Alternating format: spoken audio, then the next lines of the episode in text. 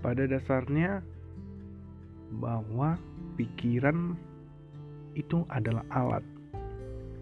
Jika alat itu bisa digunakan dengan baik, maka alat itulah yang akan menjadi kekuatan bagi kita. Pikiran adalah senjata yang paling ampuh untuk bisa menggenggam dunia.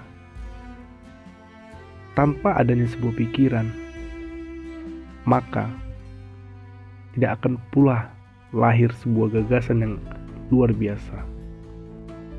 Perlu dipahami juga bahwa setiap pikiran yang ada di dalam pikiran manusia itu dapat menjadi suatu perubahan untuk menghadapi tantangan di zaman ini.